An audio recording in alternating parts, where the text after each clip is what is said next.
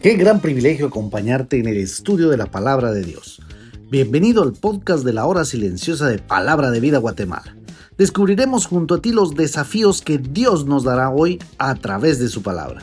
Deseamos que hayas tomado un tiempo para leer con anticipación el pasaje del día de hoy.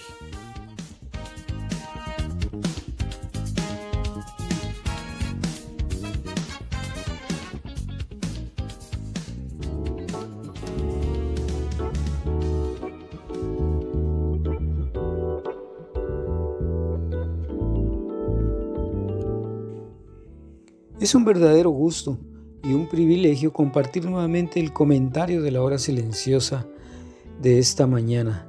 Hoy estamos en Proverbios capítulo 4 versículos del 1 al 9 y el texto dice así, Oíd, hijos, la enseñanza de un padre y estad atentos para que conozcáis cordura, porque os doy buena enseñanza. No desamparéis mi ley porque yo también fui hijo de mi padre, delicado y único, delante de mi madre. Y él me enseñaba y me decía, retenga tu corazón mis razones, guarda mis mandamientos y vivirás. Adquiere sabiduría, adquiere inteligencia. No te olvides ni te apartes de las razones de mi boca. No la alejes y ella te guardará. Ámala y te conservará. Sabiduría ante todo, adquiere sabiduría, y sobre todas tus posesiones adquiere inteligencia. Engrandécela, y ella te engrandecerá. Ella te honrará cuando tú la hayas abrazado. Adorno de gracia dará a tu cabeza, corona de hermosura te entregará. La exhortación a adquirir la sabiduría es similar eh, en otros pasajes que encontramos en Proverbios. La sabiduría da vida, da protección y honra.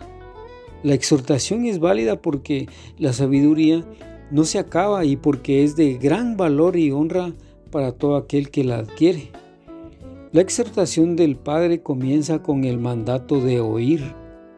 Por lo regular, esos consejos se dirigían al Hijo, pero aquí se encuentra en plural, hijos. Pero algunos creen que aquí no se trata de discípulos, sino de verdaderos hijos. Por lo tanto, la instrucción de un padre sabio ha de ser atendida con toda diligencia, pues ese es el modo de adquirir cordura. La expresión estad atentos también se repite en el versículo 20 del capítulo 4, lo cual le da mayor importancia a la intención que se debe de tener. En el versículo 2 el vocablo hebreo es Torat, es decir, enseñanza que consiste en instrucciones basadas en la ley. En el pasaje del día de hoy, Salomón también se refiere a su niñez, cuando sus padres David y Betsabé le enseñaron a él. Él recibió de sus padres y enseña a sus hijos lo mismo que a él le enseñaron. Sus padres le amaban y por lo tanto le enseñaron. Yo fui hijo de mi padre, dice el versículo 3. El sentido es hijo escogido y obediente. Para su madre, como dice el verso 3, había sido el preferido, es decir, en la palabra hebrea Yahid, único. Es cierto que Betsabé dio a David cuatro hijos, pero Salomón fue preferido de sus padres y el escogido de Dios. Aunque Salomón sobrepasó después a su padre en sabiduría, no tuvo empacho en referirse con respecto a las enseñanzas que de él había recibido. Ahora Salomón está transmitiendo la instrucción a sus hijos. Las tres generaciones involucradas ilustran el concepto de Deuteronomio capítulo 6 y verso 2, cuando Dios ordena a Moisés a enseñar a Israel, a sus hijos y a los hijos de sus hijos, que honren al Señor. David había insistido a Salomón que obedeciera al Señor y confiara en Él con todo su corazón, como dice Proverbios 3, y esto era para que prolongara su vida muchos años.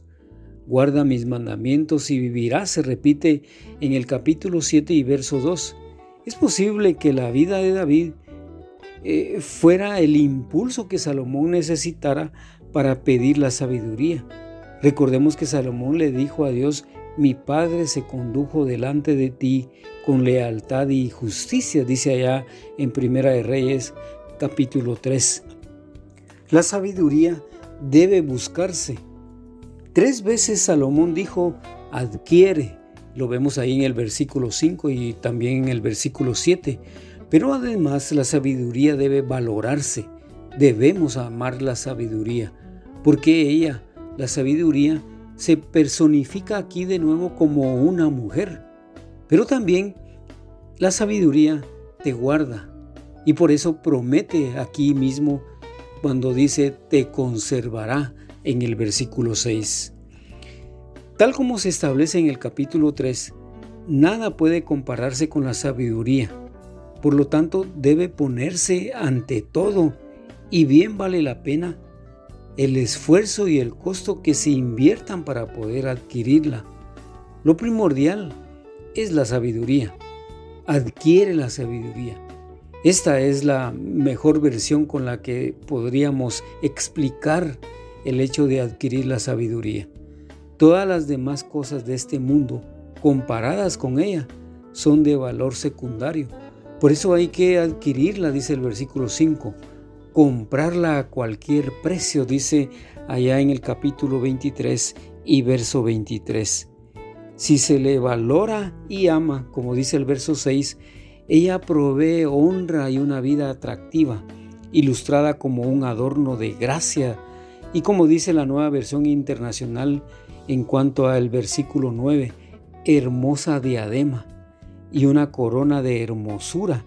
Este, este concepto de corona de hermosura eh, lo vemos en el capítulo 16:31 para referirse a las canas o a la edad avanzada. El contraste eh, es claro. Una vida insensata y necia es deshonra, poco atractiva y vergonzosa. Salomón experimentó tanto la sabiduría como la insensatez y por lo tanto también las consecuencias de ambas. La sabiduría verdadera nos recomienda a Dios, embellece el alma, nos capacita para vivir una vida santa, útil, llena de sentido y nos encamina directamente a la vida que no tendrá fin. Por eso, vívelo. No es extraño pues que haya de adquirirse aún a costa de las posesiones la sabiduría. Es cierto que esta sabiduría es un don de Dios, como lo fue para Salomón, pero Dios la da a quienes la piden, dice allá en Santiago 1.7, y quienes se esfuerzan por hallarla. Si no podemos llegar a ser maestros de sabiduría, seamos entonces, como dice el versículo 6, amantes de la sabiduría.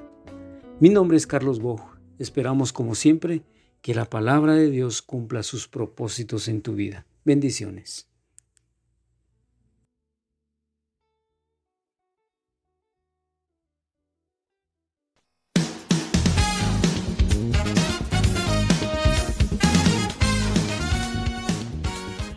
Es emocionante saber los tesoros que Dios tiene en su palabra para nosotros. Ayuda a tus amigos a que descubran la voluntad de Dios para su vida. Comparte este podcast con ellos. No olvides seguirnos en nuestras redes sociales.